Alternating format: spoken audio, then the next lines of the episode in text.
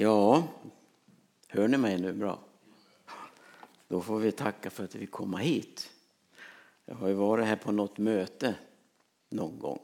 Men Anita är här för första gången, det vet jag. Och det är väl inte så många som känner igen oss, har jag en känsla av. Och eh, jag är från Dalarna och eh, jag är född i Älvdalen. Och det, har ni ju, det känner ni kanske till lite grann, Älvdalen, eftersom Yvonne och Kurt kommer därifrån. Och eh, så är jag uppväxt i Orsa kan man säga. Min mamma var därifrån, pappa var från Älvdalen. Och så småningom till Orsa så kom Anita och Lena då, som evangelister församlingen. Och så gifte jag och Anita med oss och Lena hon åkte väl till Argentina så småningom. Så det är väl så. Och vi har väl hållit oss i Mellansverige kan man säga. Eh, jag och Anita vi har bott lite på olika ställen i både Härjedalen och Hälsingland och Jämtland och Ångermanland. Rest runt lite. Men eh, nu är vi i Hällekis och det är intressant och roligt att vara där och vara med. Och så var det väldigt roligt att komma hit och få tala till er här, predika. Och eh, jag tackar för välkomsthälsningen. Jag ska läsa några verser ifrån Andra Korintierbrevet. Ifrån tolfte kapitlet och några verser framåt där. Jag måste berömma mig om än till ingen nytta. Och jag kommer då till syner och uppenbarelser från Herren. Jag vet om en man i Kristus som för 14 år sedan blev uppryckt ända till tredje himlen. Om han var i kroppen eller utanför kroppen vet jag inte. Gud vet det. Jag vet att den mannen, om han var i kroppen eller utanför kroppen, vet jag inte. Gud vet det. Att han blev uppryckt till paradiset och hörde ord som ingen människa kan uttala eller får uttala. Av den mannen vill jag berömma mig. Men av mig själv vill jag inte berömma mig utom av min svaghet. Om jag ville berömma mig skulle jag ändå inte vara en dåre. Jag skulle ju bara säga sanningen. Men jag avstår för att ingen ska tänka högre om mig än man gör när man ser och hör mig. Och för att jag inte ska bli högmodig på grund av dessa utomordentligt höga uppenbarelser har jag fått en törntagg i köttet. En Satans ängel som slår mig i ansiktet för att jag inte ska förhäva mig. Tre gånger bad jag att Herren skulle ta den ifrån mig. Men han svarade mig, min nåd är nog för dig Ty kraften fullkomnas i svaghet. Därför vill jag hellre berömma mig av min svaghet för att Kristi kraft skall vila över mig. Så gläder jag mig över svaghet, misshandel och nöd, över förföljelser och ångest eftersom det sker i Kristus. Ty när jag är svag, då är jag stark. Tack Herre för att vi får vara samlade här i ditt namn Herre. Tack för ditt eget ord Herre. Tack för att du vill möta oss Herre och tack för att du vill tala till oss den här stunden Herre. I Jesu namn. Amen. Min nåd är allt du behöver. När jag är svag är jag stark. För tio år sedan så blev det lite annorlunda för mig för då fick jag en sån där hjärtinfarkt. Och ni vet att det är lite annorlunda när man, men det gick bra alltsammans alltså. Och jag har inte känt av det någonting sedan dess. Men eh, det är ju en sak att ligga ner i en säng och titta upp på människorna. Och det är en annan sak att stå bredvid och titta ner. Det är två olika saker. Men den del av oss människor som vår kropp är. Och den, är delaktighet, den har ju en delaktighet i hela skapelsen, vår kropp. och i dess förgänglighet. Vi består ju av ande, själ och kropp. Och kroppen den tillhör ju den del av människan som är förgänglig. Och det har vi gemensamt med hela skapelsen. Det står ju klart och tydligt i vår bibel att av jord är vi kommen och av jord ska vi vara, ska vi bli. Och genom synden så vet vi också hur förbannelsen och förgängelsen kom in i världen. Och det drabbade skapelsen och jorden skulle bära tistel och törne. Och eh, det, det gör ju att den lagen går inte att upphäva. Och det går inte att be bort den heller. För de, de här andliga lagarna, de finns. Och där jorden den bär törne och tistel, så gör också du och jag. För vi är jord, vår kropp kommer från jorden och därför bär den tistel och törne. Det är därför Paulus använder den här bilden i den här texten när han talar om att han har fått en törntagg i sin kropp. Så att alla är vi liksom inneslutna i den lagen. Det drabbar ju patienten och det drabbar läkaren likadant. Det är ingen skillnad. Och förr eller senare så, så blir vi väl alla sjuka någon gång. Vi kan vara friska länge. Men vi undgår inte det. Och det har ju blivit lite påtagligt för mig också när jag drabbades av det här. Att även frälsta människor kan bli sjuka. Det finns inget bibelställe som stöder den tanken att de frälsta ska vara undantagna. Vi har inga rättigheter, vi delar alla lika det här. Och det är därför Paulus talar om att han var sjuk. Och i Galatierbrevet 4 så säger han så här.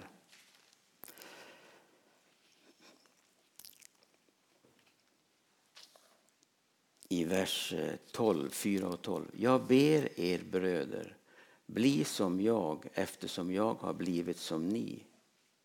Ni har inte gjort mig något ont ni vet att det var på grund av kroppslig svaghet som jag första gången fick tillfälle att predika evangelium för er. Fastän min svaga kropp kunde ha inneburit en frestelse för er så föraktade ni mig inte eller avskydde mig utan ni tog emot mig som en Guds ängel, jag som Kristus Jesus. Var hör man nu er lovprisning. Jag kan vittna om att ni då hade rivit ut era ögon och gett dem åt mig om det var möjligt. Det är ju ganska drastiskt som man säger, rivit ut mina ögon. Men vilken sjukdom som han kämpade med det vet vi inte riktigt, men troligen så hade han någon ögonsjukdom. För han säger till dem, kunde ni riva ut ögonen och ge mig dem så skulle ni göra det, säger han. Och på ett annat ställe i, i Galater 6 och 11 så står det det att han säger, jag skriver med egen hand och med stora bokstäver.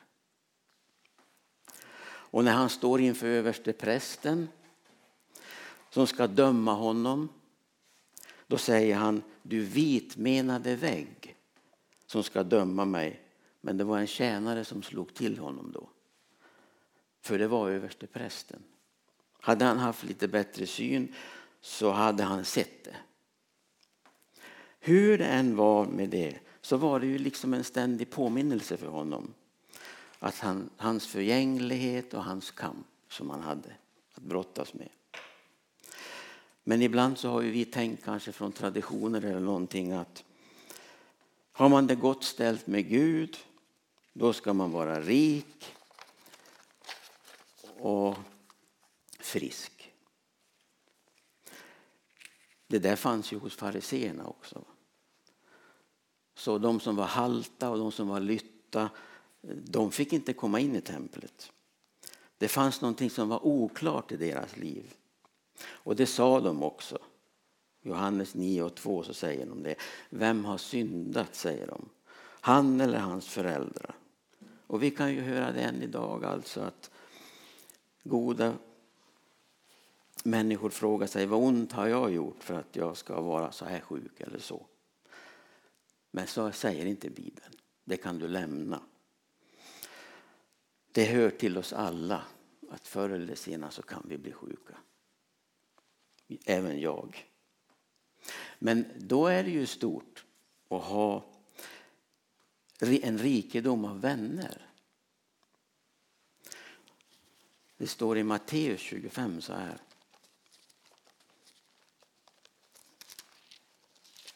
Och ifrån vers 36.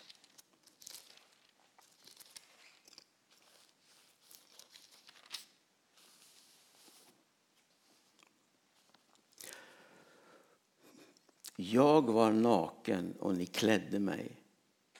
Jag var sjuk och ni besökte mig.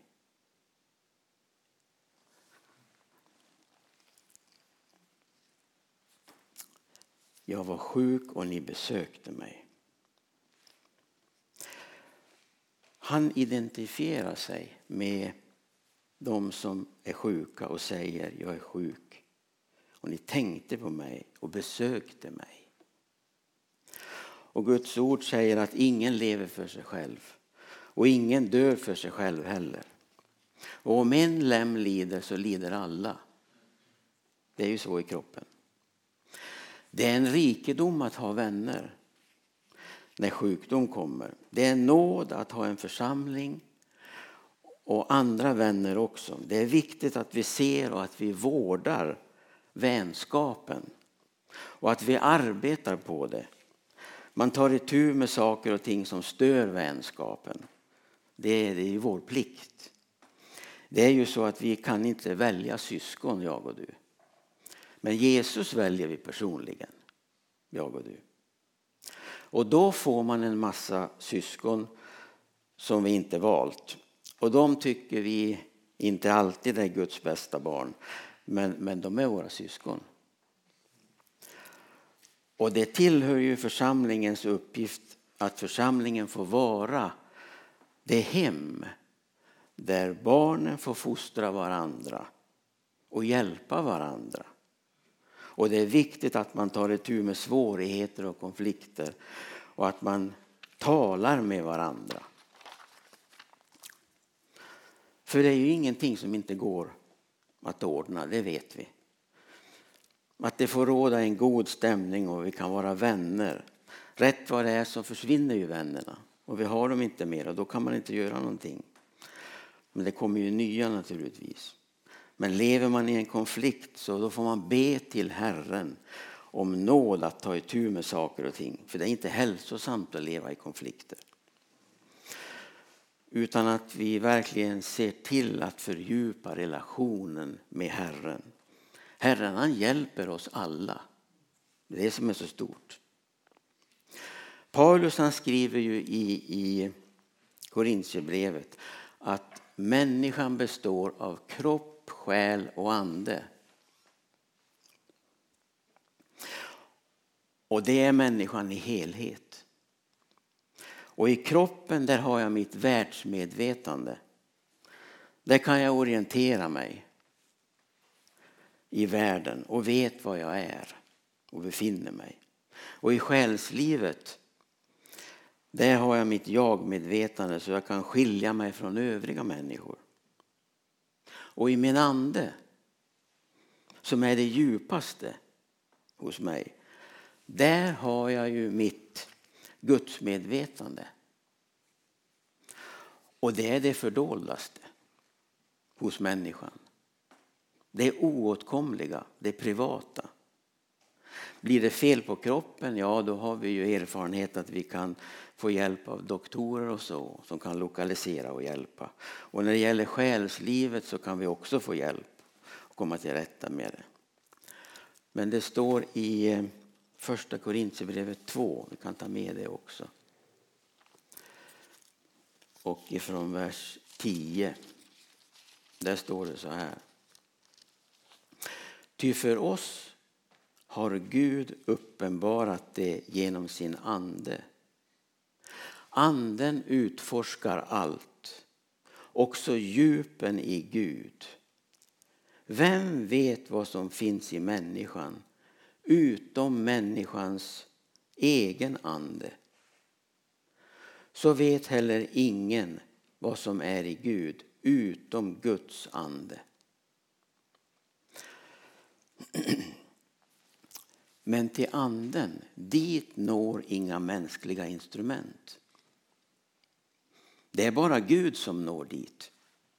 I anden. Och anden står det utransakar allt. Han vet vad som är i människans inre. Ingen människa kan nå till ditt innersta. Inte den som älskar dig mest av allt kan förstå din ande. Det är det fördolda. Och Paulus han säger att det finns två storheter. Den utvärtes människan och den invärtes människan. Den utvärtes människan, det är kroppen, den förgängliga. Och den invärtes människan, det är den eviga, själen och anden.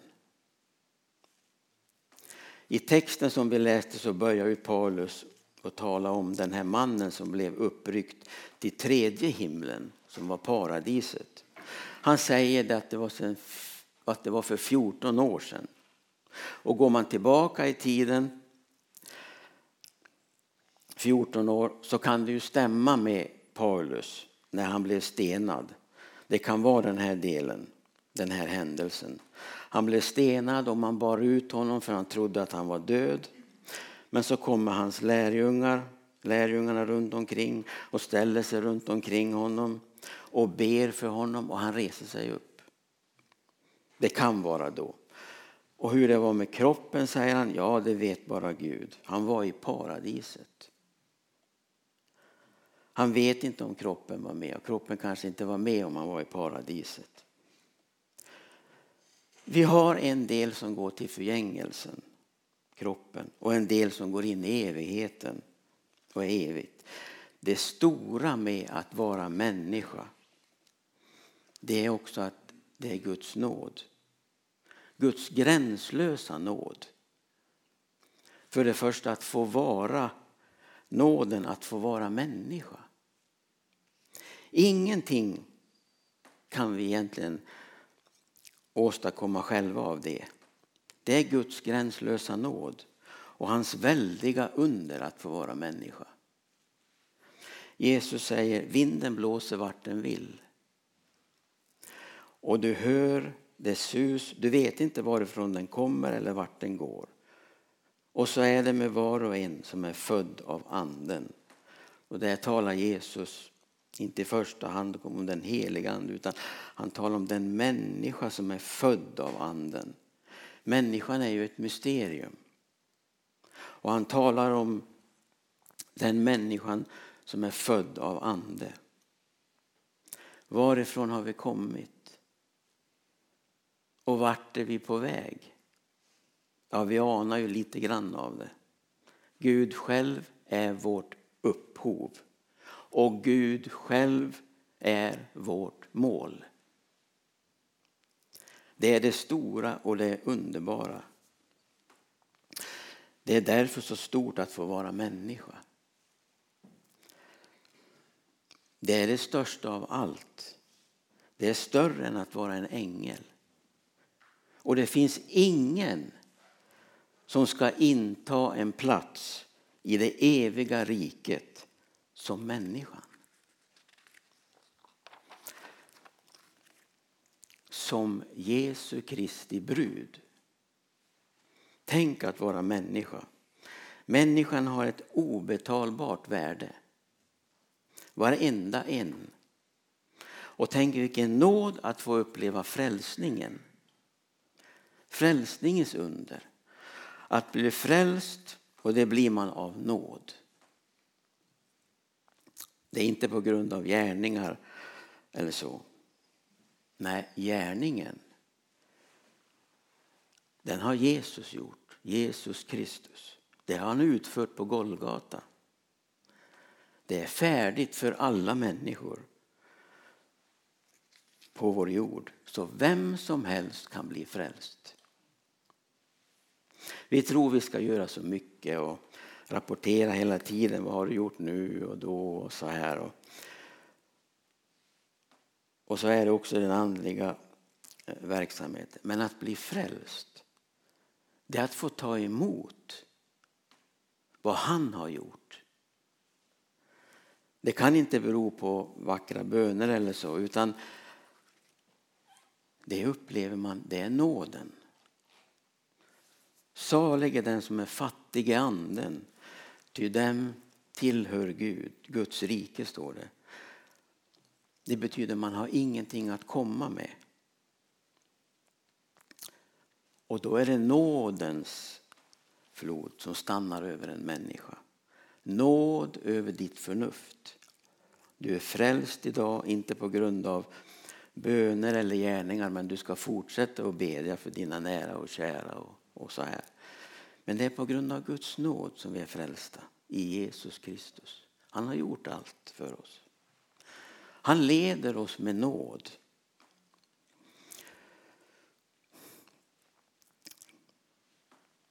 Det är på grund av Guds nåd i Jesus Kristus.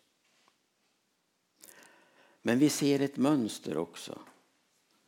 Vi tror inte på slumpen utan eh, på Guds ledning. Nåden är med oss. Det blir inte alltid som vi har bett eller som vi vill. Men han hjälper oss. Inte ur allting, men han hjälper oss igenom allting. Han leder oss ända till slutet. Och han släpper dig inte, han överger dig aldrig. Man är omsluten av Guds nåd. Man är buren av honom dag efter dag. Och Paulus säger, ska jag skryta om någonting så är det hemligheten, svagheten. Det är hemligheten till Guds kraft. Vi läste det i början, när jag är svag är jag stark. Varför det då? Jo, då tar Herren över.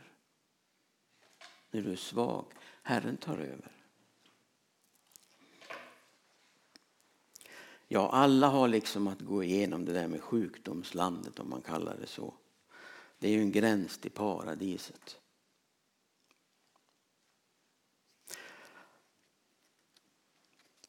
Och när Paulus talar om sin död så talar han också om paradiset.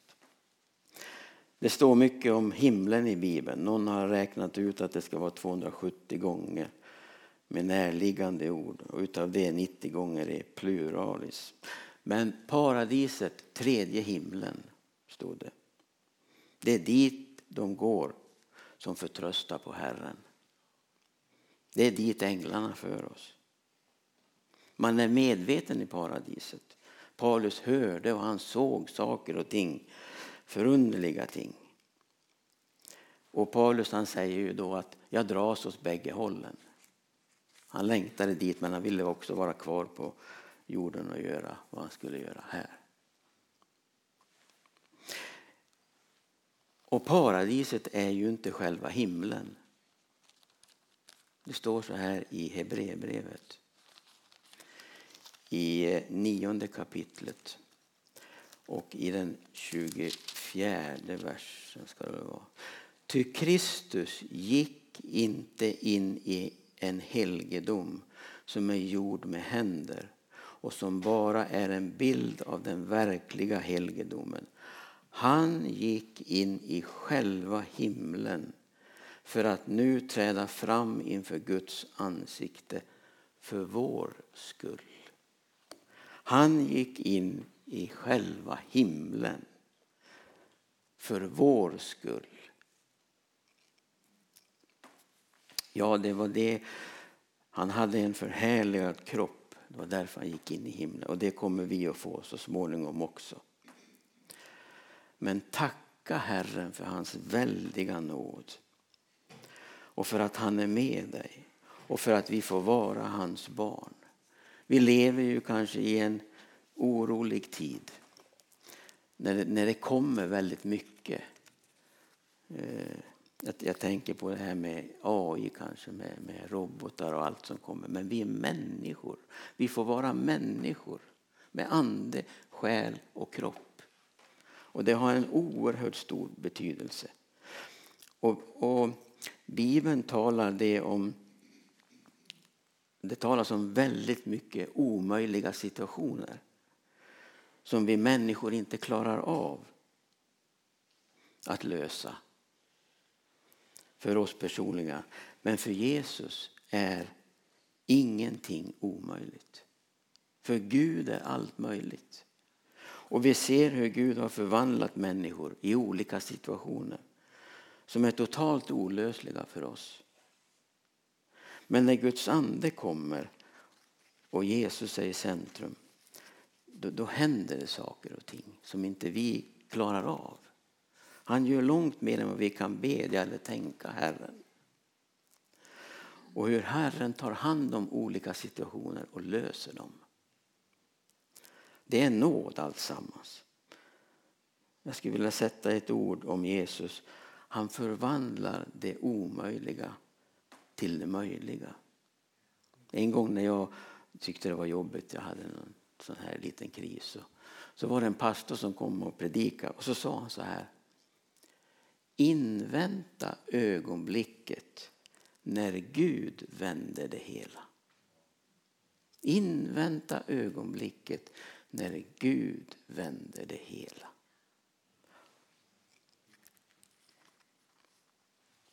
Ta med dig det. Om inte du kommer ihåg så mycket annat så kan du komma ihåg det. Invänta ögonblicket när Gud vänder det hela. Amen. Tack Herre för din nåd och trofasthet Herre. Ta hand om den här församlingen och välsigna om du är. Välsigna var och en som är här idag Herre. Tack att ingenting är omöjligt för dig Herre. Tack att vi får komma till dig precis som vi är med allt vi har Herre. Och du är med och du leder oss där vi går bedjande fram Herre. I Jesu namn.